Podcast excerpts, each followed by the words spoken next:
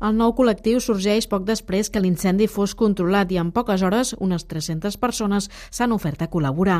Ho explica Francesc Pau, un dels portaveus de l'associació. Som un grup de gent espantats i tristos per, per, la, per la crema de la Serra de Caral, per l'incendi gran que, que ha passat aquí, que ens hem ajuntat i hem dit, escolta'm tu, això, hem d'intentar fer alguna cosa per ajudar a la gent, ajudar els boscos i a veure què podem fer, a veure què surt. L'entitat planteja dues línies principals de treball. Per una banda, treballar activament en la neteja dels boscos i per l'altra, convertir-se en un espai per la reflexió per repensar els boscos del futur obert a experts, administracions i la ciutadania.